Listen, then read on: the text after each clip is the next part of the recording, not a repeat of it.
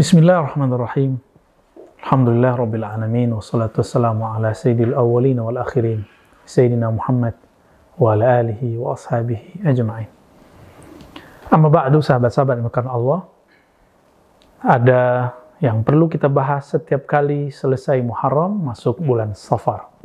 Menggunakan sod yaitu Safar, bukan Safar. Ya. Safar secara harfiah berarti satu yang terang, bisa juga kuning, isfarra, uh, mulai berkemilau. Maksudnya apa? Dulu di zaman pra kenabian, orang Arab ketika selesai Muharram, mereka meninggalkan kampung mereka imma litijara untuk berdagang atau lil harb untuk berperang. Dengan demikian kampung mereka menjadi hilang, menjadi kosong, menjadi terang Kenapa? Karena penduduknya bepergian keluar. Ini salah satu penjelasan makna penyebutan kata sofar. Sofar juga diartikan daun fi batnil ba'ir.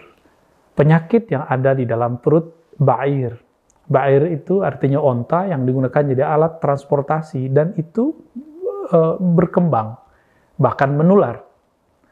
Karena Bair, onta untuk alat transportasi mulai digunakan setelah Muharram, maka kata sofar melekat kepada al-bair penyakit menular, bencana.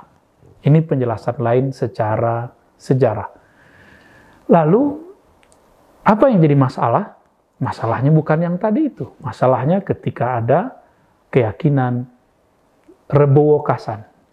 Hari Rabu terakhir di bulan Safar, diyakini sebagai hari atau malam turunnya bencana, turunnya bala.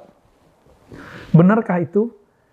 Dalam penelitian ulama-ulama ahli nujum, ahli falak, ahli penghitung kalender, mereka menemukan kebanyakan wabah turun itu di bulan Safar. Maka disebutlah bulan Safar itu bulan wabah, bulan bencana.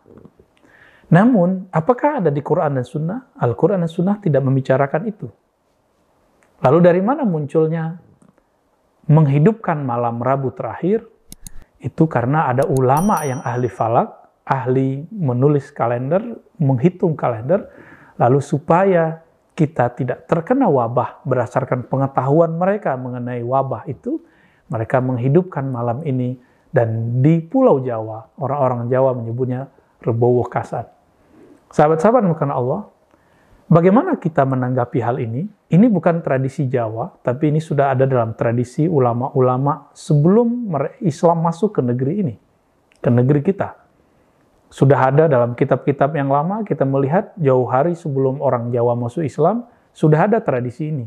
Namun jadi perdebatan dari masa ke masa. Bagaimana jalan tengahnya? Kita tidak mengingkari apa yang ditemukan oleh ahli-ahli falak.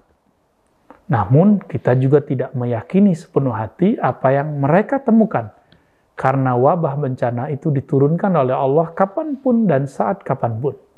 Karena zaman ini zamannya lebih modern, bisa jadi wabah bencana turun kapan saja.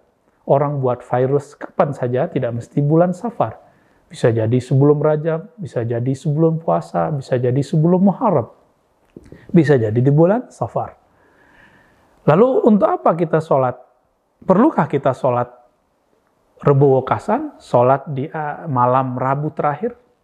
Bagi saya, kita tidak perlu sholat khusus di malam Rabu terakhir, tapi sholatlah setiap malam. Karena kita tidak hanya menyembah Allah yang menurunkan bala, tapi juga menyembah Allah yang tidak menurunkan bala dan dia sama. Allah Tuhan kita di bulan Safar sama dengan Tuhan kita di selain bulan Safar. Allah yang menurunkan wabah bencana, misalnya kita anggap saja benar ahli falak di Rabu terakhir, itu sama dengan malam-malam Rabu yang lain. Maka sembahlah dia tanpa bersyarat. Kita akan selamat dunia akhirat. Berdasarkan itu, kita tidak meyakini kesunahan sholat dua rakaat, empat rakaat, sekian rakaat malam Rabu akhir safar.